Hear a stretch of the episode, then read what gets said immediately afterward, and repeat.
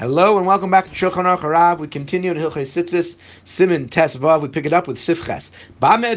When do we say that if you have two parts of a talis that got the talis got split, and if you want to resew them, that you don't have to take the tzitzits out before you put them in, as long as they're the right size. That's only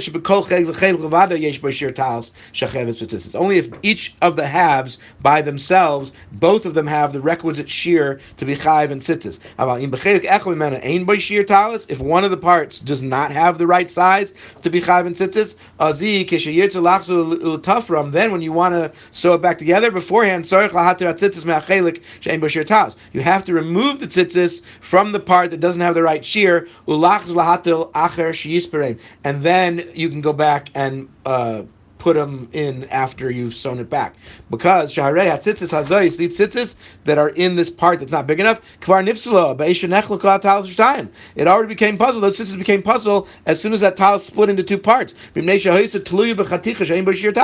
hanging off of a piece of garment that's not the right size to be a talis. That that piece of garment is totally patur from tzitzis because it's too small. Since those tzitzis are already pasul,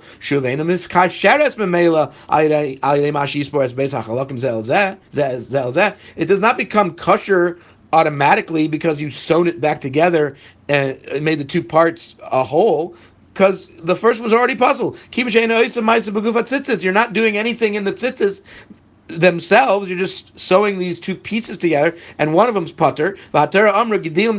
You have to make tzitzis, and not something that's already made bepisel that was made in an invalid way, and that's what these are. These two tzitzis hanging off a piece of garment that's too small to be a talis. That piece of garment is patur, so the tzitzis are pasul there. Sif Yud. When do we say this that you can sew them back together? Uh, as long as they're the right size. Kishechite the base chalakim mufradim. It's only if the two pieces were completely separated, uh, they were cut where they were ripped into two mufradim, two separate pieces. If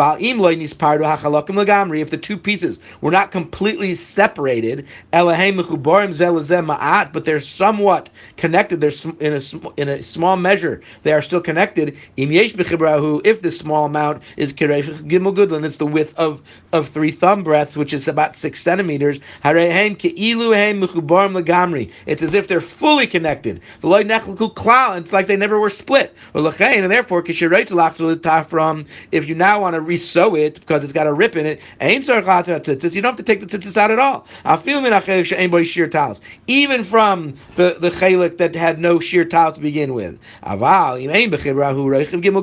If the connected part is not six centimeters, it's like they're two separate pieces, and therefore, when you sew them back together, you need anybody's shiur. you have to remove the tzitzis from the part that's not big enough.